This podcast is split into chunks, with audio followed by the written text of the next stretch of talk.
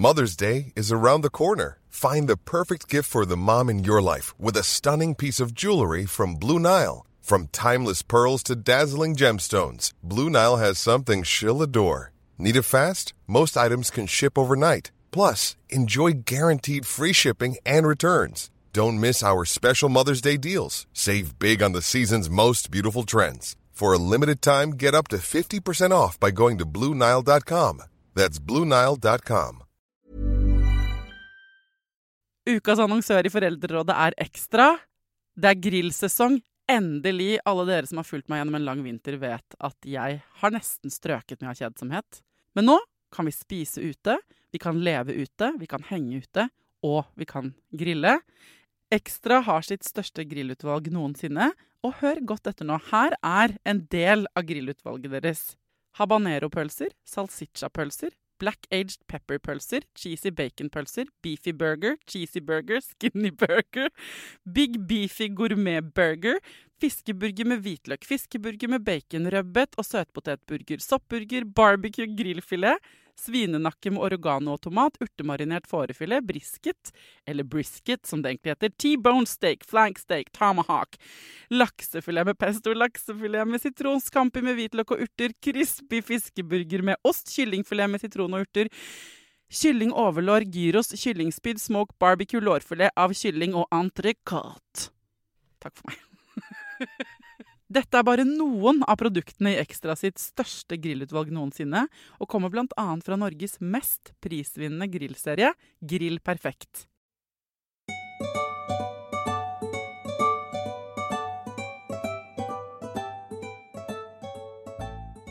De siste månedene i Foreldrerådet så har vi hatt fokus på mobbing. Vi har laget to episoder med en forsker som heter Ingrid. Og nå senest på fredag så var Alexander Sandtorv eh, gjest og fortalte om sine erfaringer med mobbing da han gikk på ungdomsskolen. Hvis ikke du har fått med deg den episoden, så anbefaler jeg deg å høre den. Og sist gang forsker Ingrid var her, så åpnet de for at eh, dere skulle sende deres spørsmål, altså det du lurer på om mobbing. Eh, og så skulle jeg invitere henne tilbake for å svare på de spørsmålene. Og det er det vi skal gjøre i dag. Jeg har samlet opp eh, spørsmål dere har sendt meg gjennom de siste månedene. Og så kommer Ingrid, og så skal jeg prøve å få svar på absolutt alt vi lurer på.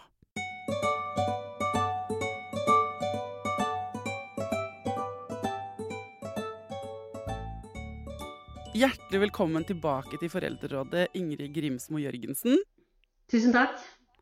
Du er pedagog og høyskolelektor og forsker på mobbing. Altså, du jobber ved Institutt for sosialvitenskap og veiledning. Altså, det er så lang tittel. Institutt for sosialvitenskap og veiledning, Fakultetet for helse- og sosialvitenskap, hø høyskole... Høgsk... Høg... Høgskolen i Innlandet, studiested, altså Lillehammer. Ja, Stemmer det? Ja, jeg jobber på Lillehammer. Det gjør jeg. Ja. Mm. Bor og jobber på Lillehammer. Eh, Du har vært her to ganger før, og vi har tatt for oss mobbing som tema. Vi har fått skikkelig mye tilbakemelding på de episodene. Eh, folk takker deg, og, og meg faktisk òg, eh, for at vi tar det opp. Men spesielt deg, da. fordi at eh, dette er Det er en, en ny vinkling på mobbing, egentlig, du har presentert oss her i Foreldrerådet. Um, og hvis du som hører på ikke har hørt de to første episodene, så anbefaler jeg å gå tilbake. For denne episoden her, Ingrid, det er rett og slett at du skal svare på folks spørsmål som, som de har sendt inn liksom, fra sine egne liv. Ja, så spennende. Eh, så det kan hende du må gjenta ting du har sagt i de første episodene, ikke sant? Eh, men det er gjerne sånn i livet at vi trenger å få inn ting med teskje. Mm. Hilsen meg sjøl òg, ikke sant? Det er, det er vanskelig. Eh, og i hvert fall når det er følelser i sving. Mm. Jeg begynner Er du klar, eller? Jeg er klar. Det er en som har hørt nøye etter på episodene våre, og som sier Jeg tenker mye på dette med at forskeren sa at om at hele klassen må ville få til endring for å få til endring. Ehm, hvordan får man til det helt konkret? Det virker for meg som at de som ikke er plaget av mobbing, ikke ser ut som de gidder helt. I hvert fall ikke foreldrene deres. Hvordan får vi med hele gruppa? Ja, det er skolen sitt ansvar å sette og undersøke miljøet til elevene godt, og ikke minst eh, ta elevens subjektive opplevelse av skolemiljøet på alvor. Og sette inn egnet tiltak helt til eleven opplever å ha det trygt og godt. Og det er jo noe med det at liksom de normene og de verdiene som er i et læringsfellesskap, som er i en klasse, det gjør, kan gjøre elever robuste, og det kan gjøre elever sårbare. Og det handler på en måte om at, eh, om at vi har en rekke med tiltak som må settes inn når elever ikke har det bra. Altså Læreren må gjøre Når et klassemiljø er i ubalanse, da, da, er det elever som opplever krenkelser, det er mye uro, det kan være mye bråk i klassen. Og skolen må gjøre et løft for et inkluderende miljø retta mot hele klassemiljøet. Men ja, for det, det, inntrykket mitt fra denne meldingen er at det er det er en mamma som sender inn, og som eh, skriver liksom at hun eh, eh, Hun tenker at det er de foreldrene. Altså det er hun og de andre foreldrene som må jobbe, at hun må prøve å få med seg de andre foreldrene. Eh, og det, eh, det er jo kanskje ikke så enkelt. Ja, jeg tenker at det er avgjørende å ha et sånt ekstraordinært foreldremøte når elever ikke har det bra på skolen. For da må du få med deg hele elevgruppa, og du får, må få med deg alle foreldrene for å være med og heie på det skolen gjør i det arbeidet. Og foreldrene må stole på at skolen tar det ansvaret overfor alle elevene. Og gjør det arbeidet grundig og godt. Ja, men her virker det ikke som det er Nå vet ikke jeg, da, men det virker ikke fra den meldingen som at det er egentlig skolen som har satt i gang noe. Det er mor til en som blir mobbet, som gjerne vil ha med seg de andre foreldrene. Men det du sier, er at det er skolen som, må, eh, som er lederen i dette her. Det er innmari viktig, og det er, det er ifølge regelverket og opplæringsloven så er, har skolen plikt til å undersøke miljøet hvor elevene går, og finne de riktige tiltakene helt til alle elevene har det trygt og godt igjen. Og dette er lovpålagt gjennom eh, opplæringsloven. Eh, det passer veldig bra til et annet spørsmål her, som, hvor noen sier For da, jeg tror kanskje folk trenger en gjennomgang av dette igjen og igjen. Hva kan man som forelder kreve, be om eller ønske seg av oppfølging fra barnehage og skole? Hva sier liksom loven? Hva kan man forvente? Både barnehageloven og, skole, og, opplæringsloven sier at skolen har plikt til å hjelpe elever. Plikt til å undersøke saken godt og sette inn tiltak helt til, til elevene eller barna har det trygt og godt. Dette ligger i barnehageloven og det ligger i opplæringsloven, så lovverket er veldig tydelig på, denne, på dette området her. Men hva kan man gjøre? Hvilke sanksjonsmuligheter har man da? Hvis man har et barn som opplever mobbing, eller det er trøblete miljø på skolen eller i barnehagen, og så opplever man ikke at skolen adresserer det sånn som altså, At det ikke skjer noe særlig endring, eller at det er De har ikke hørt disse episodene, eller de, eller de er ikke helt klar over um, plikten sin, da. Hva kan man gjøre? Eh, jeg tenker at det kan være lurt å ta kontakt med rektor og, og, og, peke på lovverket og kreve at skolen gjør en god jobb i dette her. Og så er neste instans statsforvalteren eh, i fylket å, som kan bidra til å, uh, til å, se på saken og gjøre utredninger. Og ikke minst finne ut hvor er det, hvor er det, hvor er det statsforvalteren finner at skolen har brutt aktivitetsplikten i lovverket. Men hvis man da møter Eh, ikke sant? For jeg vil bare understreke at jeg tror ingen eh, ansatte, altså ingen barn heller, for så vidt, ingen voksne eller barn, har noen dårlige intensjoner i utgangspunktet. Det er veldig sjelden det som er årsaken eh, til at det blir ræva miljø. Um, men hvis man da går til skolen eller barnehageledelsen, problematiserer dette, ser at ikke de får det til, eller at de har en gammeldags forståelse av mobbing, de sier kanskje 'Men vi har jo ringt til han som var plaget henne, vi'. Eller 'Vi har snakka med alle de inkluderte elevene', og du som forelder sier sånn 'Men det er ikke nok'. Det må kartlegges her, i hele gruppa. Dette er en mye større jobb. Det har jeg hørt fra en forsker, og jeg ser at det ikke funker, det dere gjør. Mm. Så kan man jo true med å gå til statsforvalter, ikke mm. sant? Mm. Men eh, hvis skolen sier sånn vi, vi, hva, hva, mener du at vi skal gjøre, da? Hvis de spiller ballen tilbake til deg, hva er det de kan gjøre? Og hvor, altså, fins det noen eksterne instanser hvor, som man kan benytte seg av, som ha, vet dette? Som kan komme inn og lære opp skolen, eller fortelle sant, hvordan de gjør dette her? Ja, vi har en mobbeombudsordning i Norge. Og der vi står klare til å ta imot eh, henvendelser fra foreldre og elever. Og vil, og vil, kunne bistå i sånne saker. Og vil kunne også gi råd til skolene. Hva er det lurt å gjøre nå? Uh, og de kan, de kan, man bare ta kontakt med via nettsidene eller, eller ringe dem. Er det skolen som må ta kontakt, eller kan foreldre selv ta kontakt? på en måte? Både foreldre og elever kan ta kontakt med mobbeombud. Mm. Ja.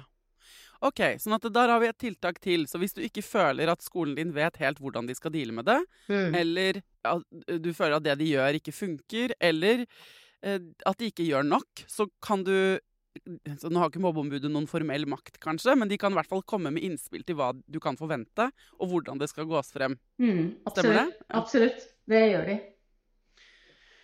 Så går vi med på noen som har sendt inn noen såre spørsmål, må jeg si, altså, eh, for barna sine. Eh, Hvordan kan jeg hjelpe til å bearbeide et mobbetraume eh, dersom barnet mitt omgås og står i det blant aktuelle mobbere i det daglige? Mm. Ja, dette er veldig vondt, og vi vet at mobbing og utenforskap har kjempestore konsekvenser. Og jeg har møtt mange elever som etter flere år, også på ungdomstrinnet, har opplevd krenkelser og utrygghet i andre, tredje klasse, og opplever fremdeles å være veldig sårbare. Og det er innmari viktig. altså Læreren sine valg i det klasserommet er så avgjørende for de elevene. sånn vi må tilbake igjen da til hva er det skolen kan gjøre, og ikke minst lærerne kan gjøre på det trinnet for å ramme inn den eleven og gjøre skolehverdagen så trygg som mulig. Ellers så kan det jo ende opp med at man ikke tør å gå på skolen og ikke klarer å, ikke klarer å gjøre det. Og får, um, og får sår som kan vare livet ut. Det er, veldig, det er helt uakseptabelt. Ja, og så vil jeg bare pushe deg litt på den. Nå er ikke du psykologspesialist, eh, men du er pedagog. Og eh, det hun spør om her, er hvordan vi hjemme kan møte barna våre, da. La oss si vi sender de mailene og setter i gang og liksom, ringer mobbeombudet og tar kontakt med skolen og alt det der. Men mens denne prosessen er i gang, så skal fortsatt barnet møte opp, da. Eh, aller helst i det miljøet. Hvordan skal vi som foreldre ta imot ungene våre og, og hjelpe dem å bearbeide det de opplever hjemme, liksom?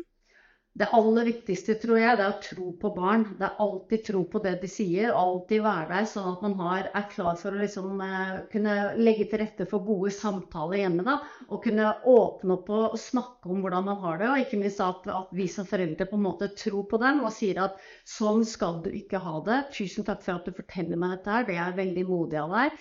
Jeg, jeg skal, uh, hva vil du at jeg skal gjøre videre med denne saken nå? Og det å være inkludert og kjenne at liksom, jeg kan ta del dette, at mamma og pappa ikke gjør ting uten at eh, barnet er med på det.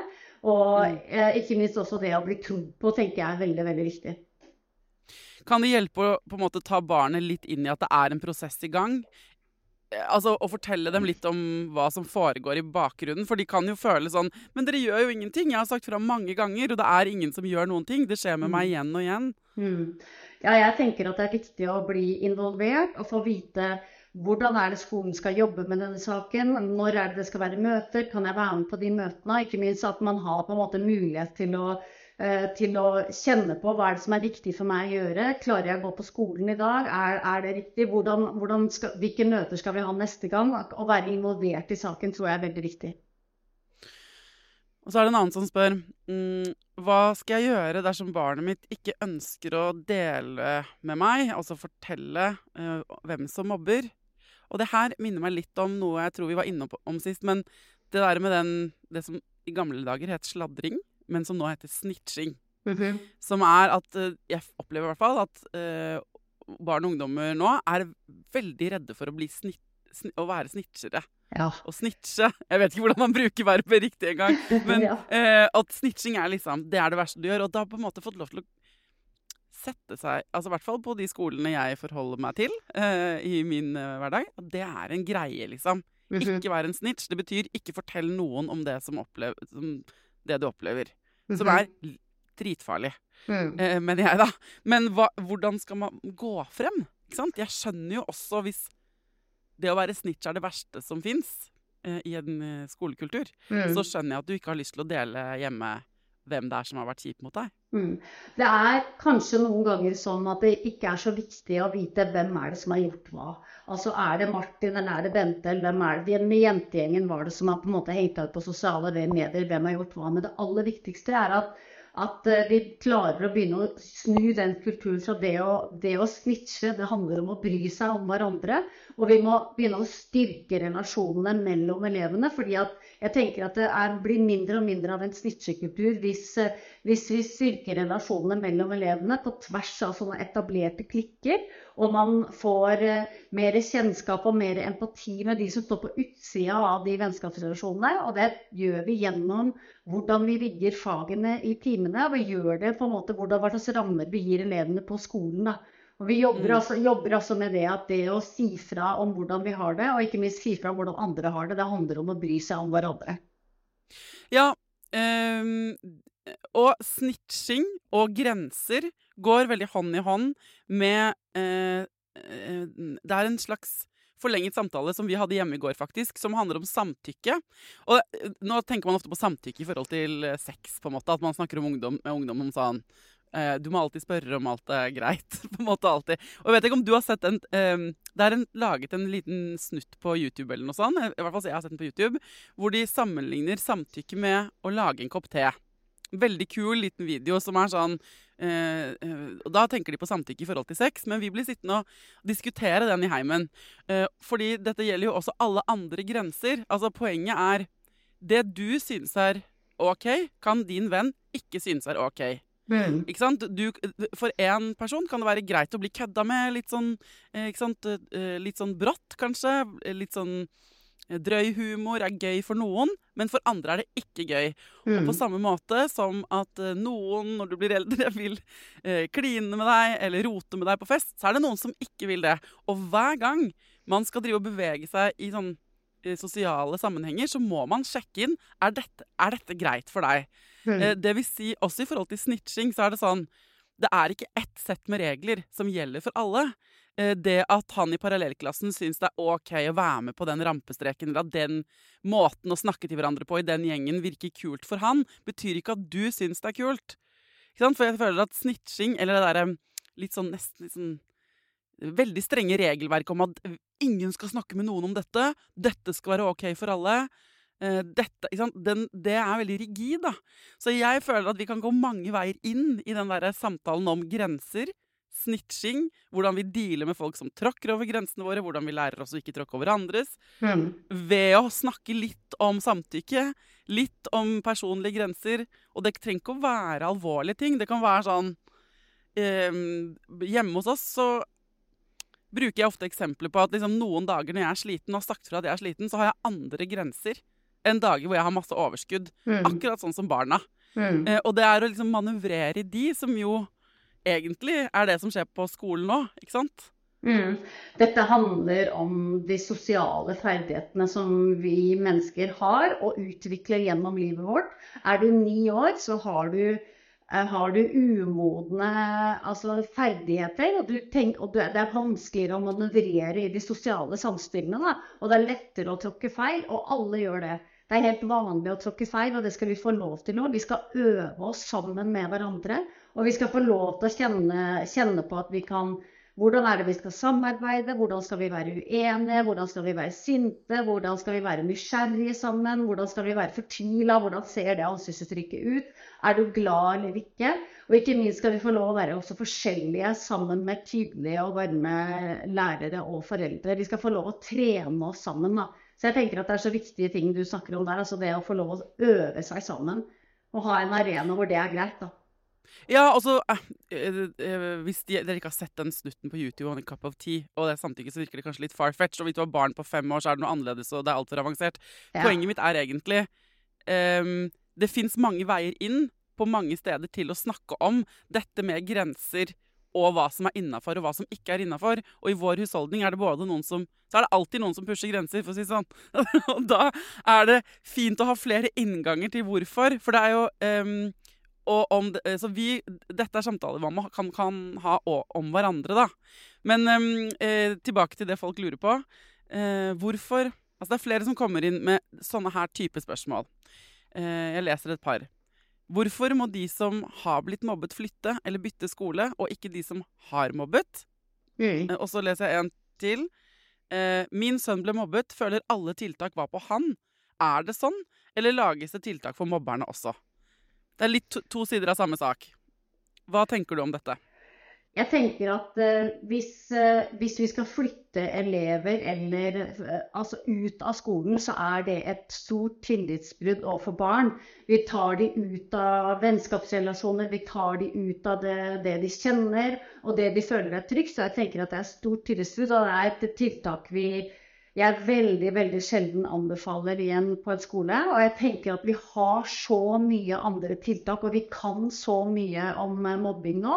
Og vi kan så mye om hva vi skal gjøre på skoler hvor elever opplever å ikke ha det trygt. Så vi, vi, må, vi må, bruke den pedagogiske verktøykassa vår og ikke flytte elever som opplever eh, og, vi, og, for å svare på spørsmålet, så setter vi jo aldri inn tiltak eh, bare retta mot den som har det uttrykt. Men jeg opplever kanskje at det er mange foreldre som, som kjenner på det, og kjenner at det er bare tiltak retta mot mitt barn, og har lite innsyn i hva er det skolen gjør da, i sånne saker.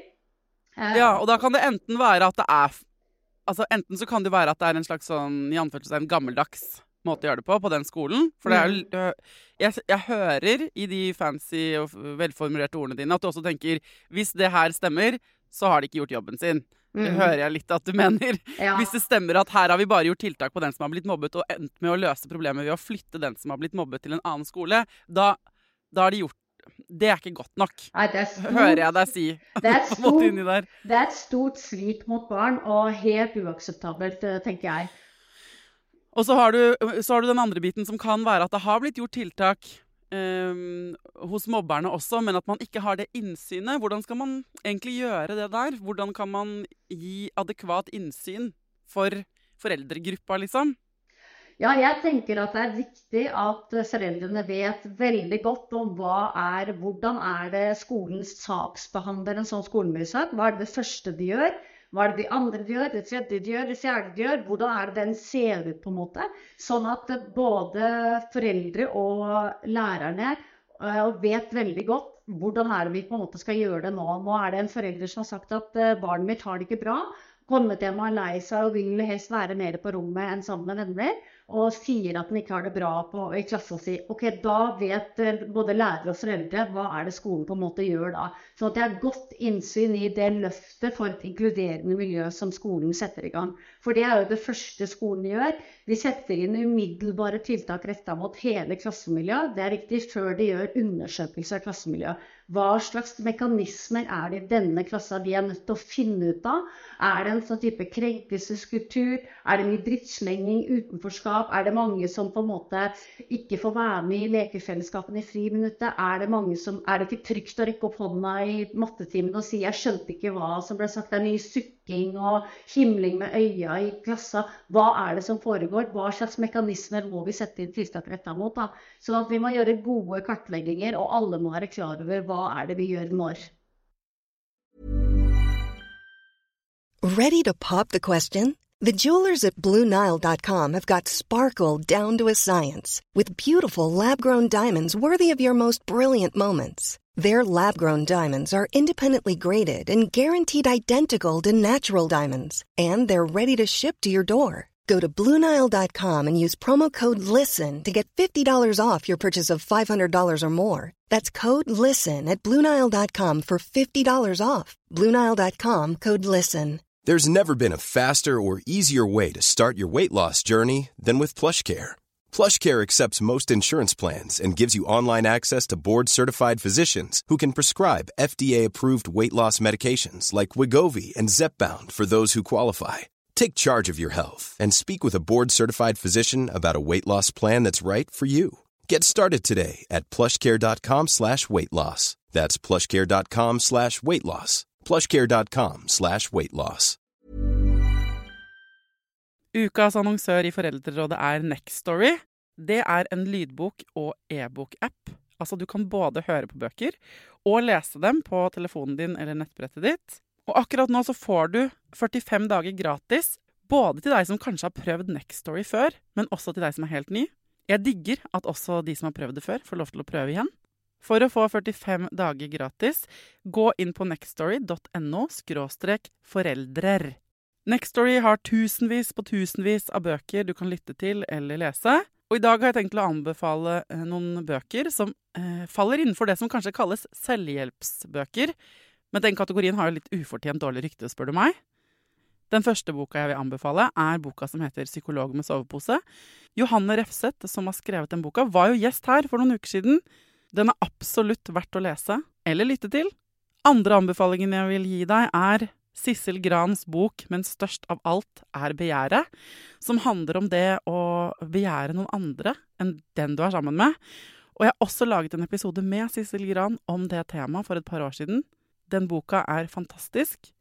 Hvis du har lyst til å prøve ut Nextory for første gang, eller eh, har prøvd ut før, men vi prøver det ut igjen helt gratis i 45 dager, gå inn på nextory.no skråstrek foreldrer. Tror du at eh, skoler der ute er litt redde for eh, Holder litt for mye tilbake på sånn gruppekommunikasjon? Det er et ledende spørsmål, fordi det tror jeg. Men eh, er det ditt inntrykk også?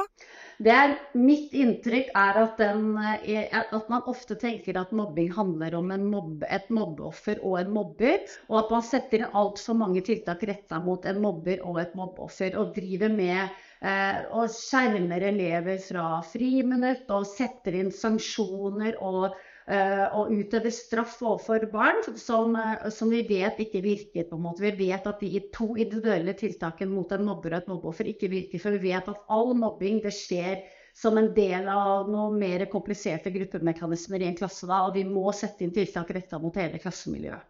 Og alle elevene. Det er en som spør her, Hvordan kommunisere godt med foreldrene til de barna som mobber? Hvordan kan jeg få dem til å forstå? Mm. Jeg tror det er veldig viktig å innse at alle våre barn har en eller annen gang tråkka feil. Så vi er som foreldre er nødt å gå inn i den boksen og tenke det, var, det har også vært meg en gang, som har vært eh, mor til et barn. Hvor et barn som strever i relasjon med andre, som dulter andre litt hardt til sida. Som kødder på en måte som ikke er ålreit, og som kanskje krenker andre med enten kroppsspråk eller stemme på en eller annen måte. Eller kanskje er med på en litt større eh, sak som handler om å stenge noen ute fra sosiale medier eller fra, eller fra aktiviteter, det tror jeg vi foreldre er nødt til å bare ta inn over oss at det kan gjelde vårt barn også. Så hvis vi tenker at vi setter oss sjøl i, i, den båsen og tenker at hva om det var meg, så, så, tenker jeg at vi får litt større forståelse for det. Altså. Ja, men det er, det er, ganske vanskelig å skulle snakke med en øh, annen forelder man kan jo, la oss si at man er flink til å si det sånn Dette har også skjedd omvendt. Mitt barn har også krenka andre noen ganger. Men i dette tilfellet så ringer jeg deg fordi eh, ditt barn har vært eh, kjipt mot mitt. Ikke ja. sant? Um, jeg, det er ikke Det kommer veldig an på hvem som møter deg i andre enden der. Eh, ja. Hvordan den samtalen går. Ja, og jeg har hørt om veldig, veldig mange samtaler med, med høyt konflikt nivå av masse, masse, sinne, oppgitthet og frustrasjon mellom foreldre som har prøvd å ringe hverandre. Og jeg sier liksom, I veldig mange saker så kan det lønne seg at det er skolen som tar kontakt med foreldre. Og ikke minst også undersøke litt hva, hva tenker foreldrene om denne saken, det som har oppstått. Hva tror de barna deres har behov for? Eh, hvordan, hva tenker de at vi skal gjøre i denne saken, her, sånn at de får være med litt og kjenne litt på at de er ekspertene på eget barn. Da. Sånn at man ikke kommer mm. med pekefingeren og sier at ditt barn har gjort det og det. Nå må dere, nå må dere kjefte, nå må dere gjøre, sette tydelige grenser for barnet ditt. Nå, han er ikke oppdratt eller et eller annet sånt. Ikke sant? Altså, Vi kommer tilbake til dette med at skolen eller barnehagen da, må tas veldig tydelig ledelse i disse situasjonene. Ja. Altså, jeg føler at nesten alt vi kommer innom som blir problematisk, det er når skolen ikke tar den ledelsen. Når ja. skolen ikke tar det ansvaret og sier OK, nå har vi hørt dette fra en forelder. Dette er situasjonen. Dette er det vi har tenkt å gjøre. Dette er det dere skal gjøre. Dette er det vi skal gjøre sånn. Dette ja. gjør vi da, og dette er planen. Den ledelsen, den rollen, er så viktig, da. Ja. De, Erling Roland og, og, og, jeg, og en forsker som heter Støen ved Universitetet i Stavanger, de forska nettopp på dette. her, Hva var forskjellene mellom skoler som lykkes i skolemiljøsaker, og de som da ikke lykkes? Og En av de tingene som var forskjellen, det var jo denne ledelsen som du snakker om nå. Dette å ta tydelig regi på skolemiljøsaken. Si tydelig til elevene og foreldrene sånn skal ikke barnet ditt ha det. Tusen takk for at du sa fra. Vi skal hjelpe deg. Og ikke minst også hadde en klar og tydelig saksbehandling framover og visste veldig godt hva de gjorde. Ja, det er en oppfordring altså, til alle som jobber i skoler eller skoleledelser, og også spesielt til dere som tenker sånn Å, det her er ikke vi gode nok på. Nei, men fantastisk at du ser det. Eh, da er the only way is up, på en måte. Ja. Og ikke liksom prøve å dekke til å bruke energi på å eh, å, eh, liksom dytte det under teppet. Ja. Men, eh, eh, men bruke den energien på å eh, gjøre det bedre. For dette er så viktig for så mange, ikke bare de barna som blir mobbet. Like viktig for de barna som mobber, og alle de andre i klassesituasjonen. Ja. Og foreldrene og søsknene. Det er så veldig mange mennesker det går utover når noen ikke har det bra. Ja, det gjør det. Og det er sånn at det går utover læring, helse og trivsel for alle elevene i en klasse som ikke har det bra. Hvor det er elever som ikke har det bra. Jeg tar en litt lengre melding her fra en lytter. Hei, vi har en datter på åtte år som i utgangspunktet er larger than life. Hun er alltid blid, humoristisk og glad. Og veldig bestemt på hva hun vil. Blunkefjes. Hun har vanligvis lett for å få venner og kan både krangle og avvise og bli avvist. Og så er de venner igjen etter en stund. Men nå sliter hun. Det er en jente hun føler hun ikke kommer unna. Min datter sier f.eks.: Hun slipper meg ikke, hun leter meg opp, jeg kommer meg ikke unna. Andre barn kommer heller ikke til, da denne jenta har vist en eiertrang overfor min eh, datter fra første stund. Min datter er også et eh, barn som heller går på do og gråter istedenfor å gå til de voksne. Problemet vårt er at skolen sier at det ser ut som de leker helt fint sammen. Vi vet at det kan se sånn ut fra avstand, men vi foreldre har også reagert på denne jentas oppførsel. Som eksempel kan hun si til min eh, datter rett foran oss 'ikke hør på faren din'. Og hun kan si til oss voksne bla, bla, bla, bla. Hun er rett og slett ganske frekk. Hva skal vi gjøre? Takk for tips. Ja, jeg tenker at det er eh, det er klart det er enkeltbarn som trenger veiledning og støtte av oss voksne. Og det aller viktigste hun gjør, det er å si fra til skolen. Og skolen har da plikt til å tenke har vi den kompetansen sjøl, eller må vi hente inn kompetanse fra PPT eller andre samarbeidspartnere her, eller helsesykepleiere eller andre som kan være med og veilede og støtte i dette her. Så jeg tenker at det er innmari viktig at vi får snakket om dette, og at vi tar det opp med skolen sånn ordentlig. Og, og det er helt uakseptabelt at det er skolen som bestemmer om dette er et problem eller ikke. Det er elevens subjektive opplevelse av skolemiljøet og relasjonene den er en del av. Og når, det, når en elev sier ifra til skolen at uh, dette er ikke trygt, eller sier ifra til foreldrene at jeg har det ikke bra, så, så vet vi at dette, da må vi gjøre noe med det. Da har vi plikt til å sette inn tiltak. Enig. Og så eh, mener jeg ikke dette eksempelet, for dette er et veldig, eh, en god illustrasjon på at det kan være eh, forskjell mellom hva skolen erfarer og det vi hjemme erfarer. Så jeg mener ikke dette eksempelet eh, inneholder det jeg skal si nå, men av og til kan det vel være også sånn at vi foreldre er så nervøse for vår egen eh, unge at vi kan være litt sånn alarm, alarm, jeg tror ikke barnet mitt har det noe bra. At, eh, og, og så kanskje overdrive. Og så kan det hende at skolen ser at barna har det veldig bra. Altså, Hva hvis skolen hadde hatt rett i dette tilfellet? Hypotetisk sett. jeg tenker uansett at man skal lytte til elever og foreldre og ta de på alvor og si at jeg forstår at du føler det sånn, og det er viktig at du forteller det til oss. Det her skal vi prøve å gjøre noe med. Jeg tror det er så innmari viktig i relasjonen at vi tror på hverandre, og at vi er der og lytter og tenker at vi, jeg skal ta inn hva du tenker på, hva du føler, inn i det arbeidet jeg gjør hver dag. Og da er det noe med Vi vet veldig, vi har veldig mange systemtiltak vi kan sette inn i samarbeid med eleven som gjør at det, at det blir mer hva skal jeg si, robuste klasserom eller trygge klasserom. Da. Og det tror jeg det er masse som kan gjøres eh, sammen med den eleven som gjør at det, er, at det blir bedre å være på skolen. Altså. Ja, og så sier jeg, leker litt djevelens advokat med det spørsmålet, egentlig. Fordi uh, det er mye bedre å ta et barn for alvorlig, på en måte. Eller det går ikke an, ikke sant? Enn uh, å mm, overse noe viktig.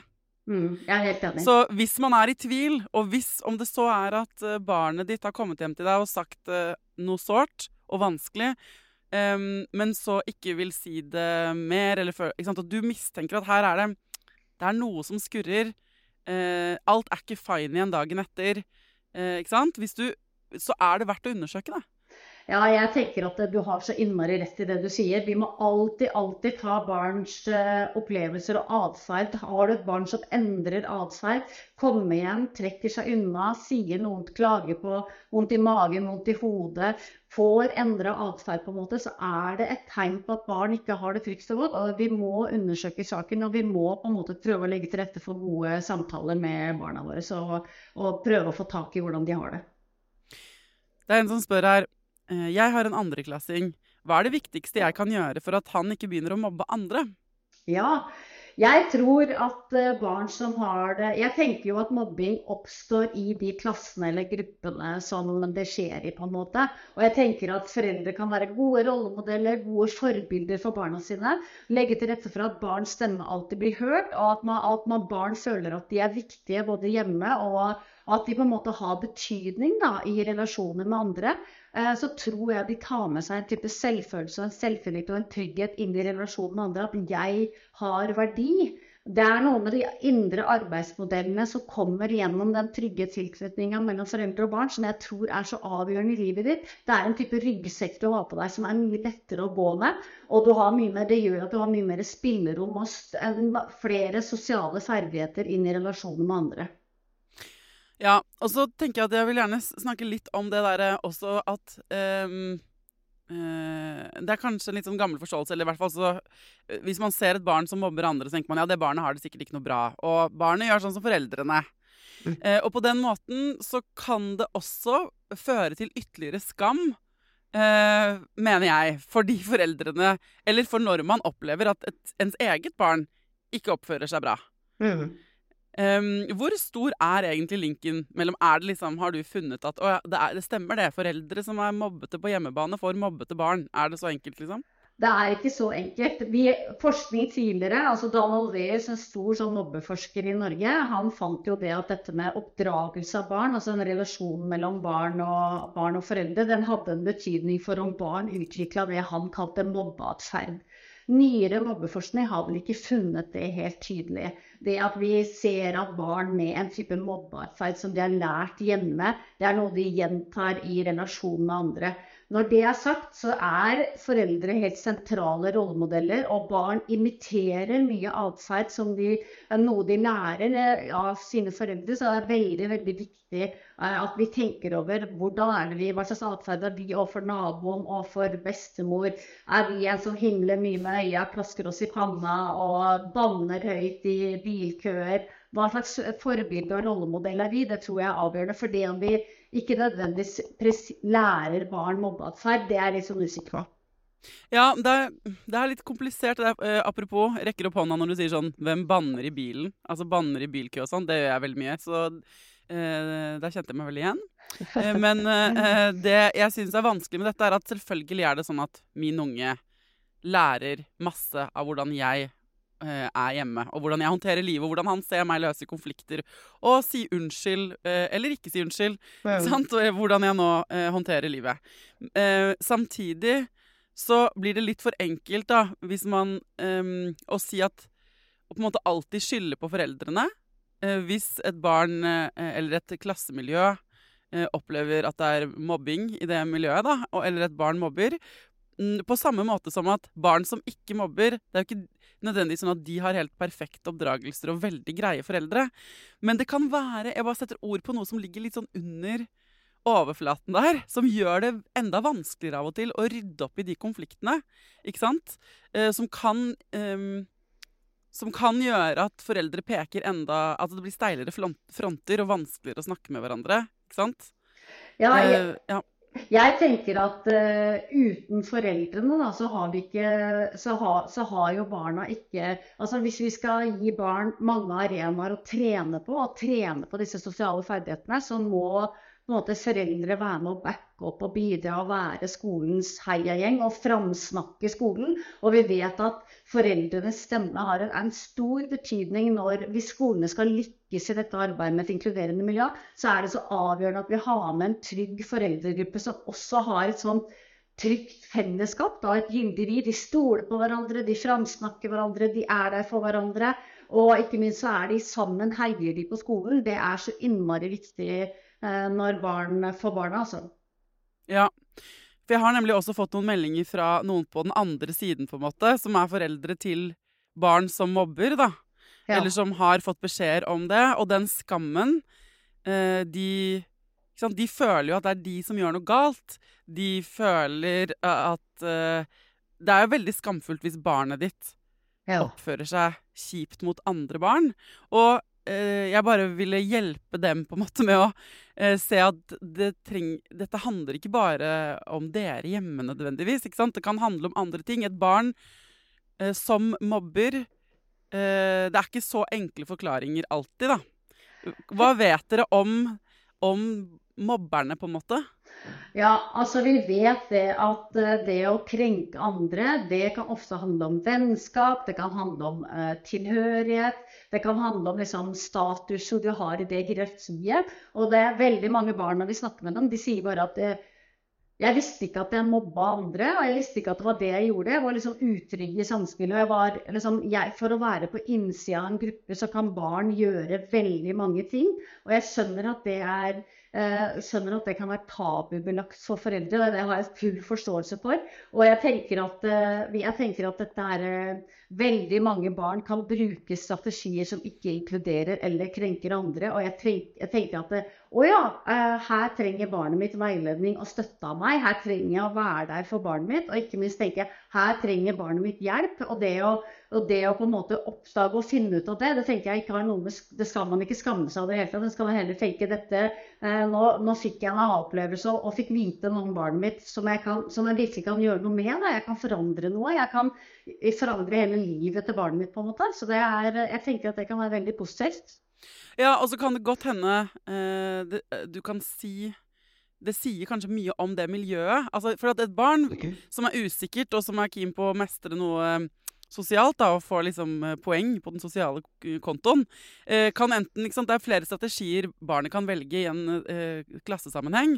Og eh, noen av de veiene er sunne, gode veier for å få sosial status. Altså mm. godkjent av oss i samfunnet. Være mm. hyggelig, hjelpsom, snill mot andre, god i mm. fag eller sport. ikke sant?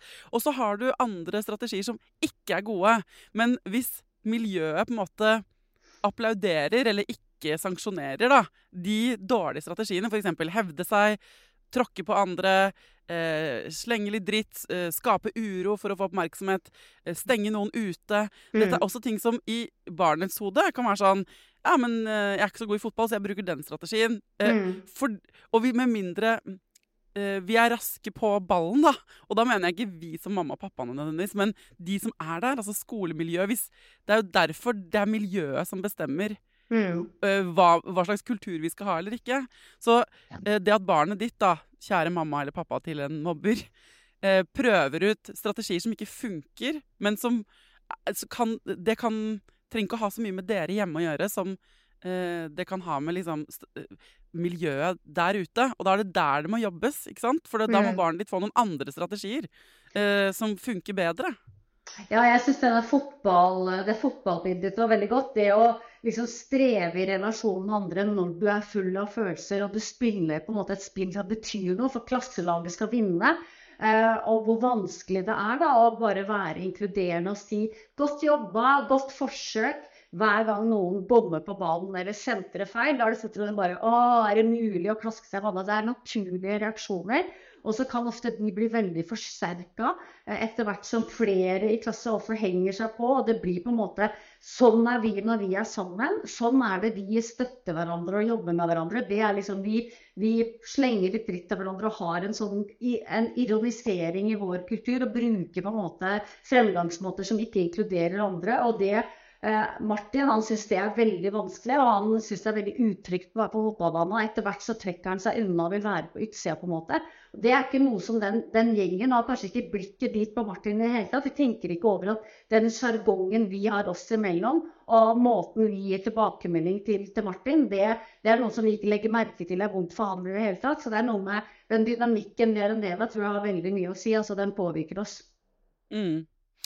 OK, Tusen takk for alle fine spørsmål dere har sendt inn. Vi fikk ikke gått gjennom halvparten engang, Ingrid, så jeg må rett og slett komme tilbake til deg med flere spørsmål. Men jeg skal prøve å oppsummere litt, fordi eh, det som er tilbakevendende her, dere, er at mange av spørsmålene tyder på at skolene og barnehagene barna deres går i, ikke tar det lederansvaret Ingrid sier at skoler og barnehager skal ta. Mm. Det tror jeg ikke er fordi skoler og barnehager er dumme eller slemme. Mm. Jeg tror bare ikke de vet hva de skal gjøre, og hvordan. Mm. og det vi kan hjelpe til med da, er å være smarte foreldre og voksne og si sånn Hei, dere har et ansvar nedfelt i loven. Og det er deres jobb å ta det lederskapet her. For ellers så blir det sånn at foreldre, at vi foreldre, må drive og ringe hverandre på fritida og risikerer å på en måte tråkke i baret, krenke hverandre, gjøre ting verre. Skolen eller barnehagen er på en måte de er ledelsen, akkurat som på, jobben. Det er ledelsen på jobben som bestemmer hvilke regler som gjelder, og hvordan vi dealer med de reglene på arbeidsplassene våre. På samme måte så er det skole og barnehage som bestemmer. Og de må steppe på å ta det ansvaret. Og hvis eh, du som hører på, eller de du snakker med altså hvis du, De som hører på, jobber i skole eller barnehage, eller eh, du som forelder går, og de sier til deg vi vet ikke. vi vet ikke hva vi skal gjøre. Vi har prøvd å gjøre, vi vet ikke. Vi har ikke noe penger til masse sånn mobbeopplegg. Vi vet ikke hva vi skal gjøre. Så sier Ingrid, ring til mobbeombudet. Det mm. fins masse ressurser der ute. Og det er ikke et alternativ å ikke gjøre det. Dette Nei. er dere lovpålagt. Eller ja. hva? Så viktig er barns liv. Vi er nødt til å hjelpe dem. Det er vår plikt. Enig. Mm. Tusen, tusen takk for at du kom tilbake til Foreldrerådet, Ingrid. Hvis du nå eh, som hører på har et spørsmål som vi, du ikke har sendt inn, så er du da ikke din siste sjanse i dag. Send meg det spørsmålet på Foreldrerådet på Instagram, og så ringer jeg deg tilbake, Ingrid, og så får vi til en ny runde, sant? Ja, spennende. Dette må vi snakke mer om.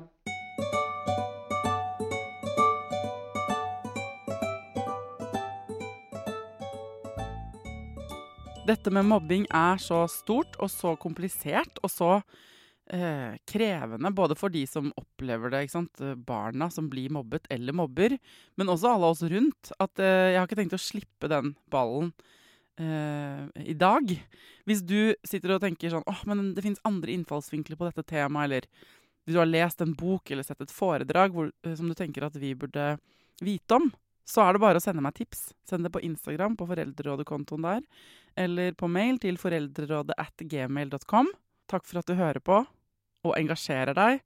Til neste gang, ta vare på deg sjæl, ta vare på ungen din, og lykke til.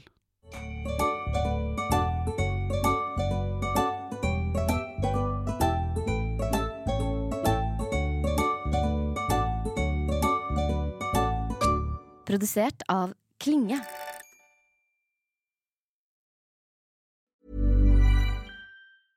Cool fact a crocodile can't stick out its tongue. Also, you can get health insurance for a month or just under a year in some states. United Healthcare short term insurance plans, underwritten by Golden Rule Insurance Company, offer flexible, budget friendly coverage for you. Learn more at uh1.com. Flexibility is great. That's why there's yoga. Flexibility for your insurance coverage is great too. That's why there's United Healthcare Insurance Plans. Underwritten by Golden Rule Insurance Company, United Healthcare Insurance Plans offer flexible, budget friendly coverage for medical, vision, dental, and more. One of these plans may be right for you if you're, say, between jobs, coming off your parents' plan, turning a side hustle into a full hustle, or even missed open enrollment. Want more flexibility? Find out more about United Healthcare Insurance Plans at uh1.com. Mom deserves the best, and there's no better place to shop for Mother's Day than Whole Foods Market. They're your destination for unbeatable savings, from premium gifts to show-stopping flowers and irresistible desserts. Start by saving 33% with Prime on all body care and candles. Then get a 15-stem bunch of tulips for just $9.99 each with Prime. Round out Mom's menu with festive rosé, irresistible berry chantilly cake, and more special treats. Come celebrate Mother's Day at Whole Foods Market it. Imagine the softest sheets you've ever felt. Now imagine them getting even softer over time. That's what you'll feel with Bowl and Branch's organic cotton sheets. In a recent customer survey, 96% replied that Bowl and Branch sheets get softer with every wash. Start getting your best night's sleep in these sheets that get softer and softer for years to come. Try their sheets with a 30-night guarantee. Plus, get 15% off your first order at bowlandbranch.com. Code BUTTERY. Exclusions apply. See site for details.